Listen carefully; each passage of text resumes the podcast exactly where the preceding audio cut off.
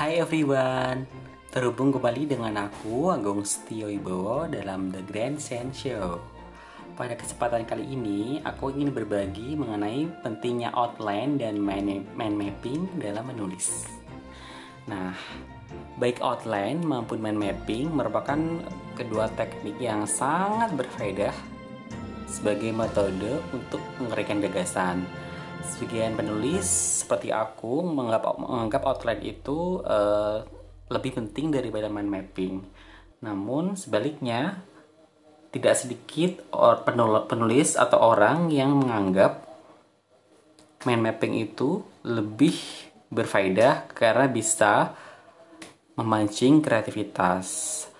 Apa pun pilihan teman-teman, mind mapping maupun outline sangat berfaedah untuk membantu kita menguraikan gagasan. Nah, garis besar mungkin tidak relevan dengan penulis buku fiksi, karena sering kali kita sendiri tidak tahu mau dibawa ke mana ceritanya.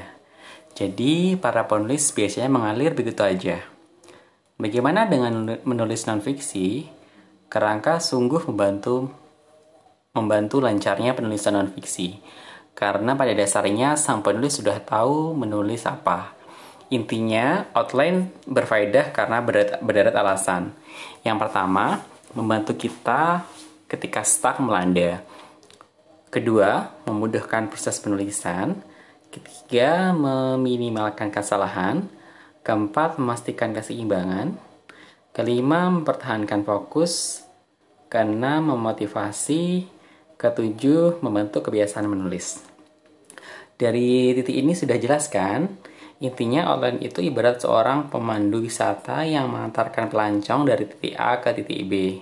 Ia laksana peta yang membuat perjalanan lebih mudah dan menyenangkan. Bagaimana dengan outline? Di mataku sih, uh, mapping juga tidak kalah menarik gitu kan.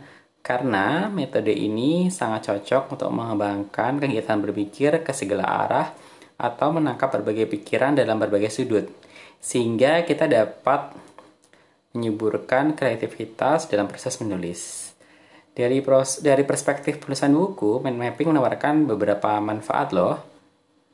Nah, yang pertama, judul atau tema utama terdefinisi sangat jelas karena biasanya dinyatakan di tengah.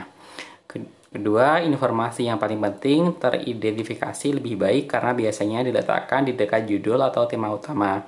Ketiga, hubungan antar ide, data, atau informasi secara mudah dapat segera dikenali, sehingga bisa merangsang kita menumpahkan apa yang ada di pikiran dalam bentuk tulisan.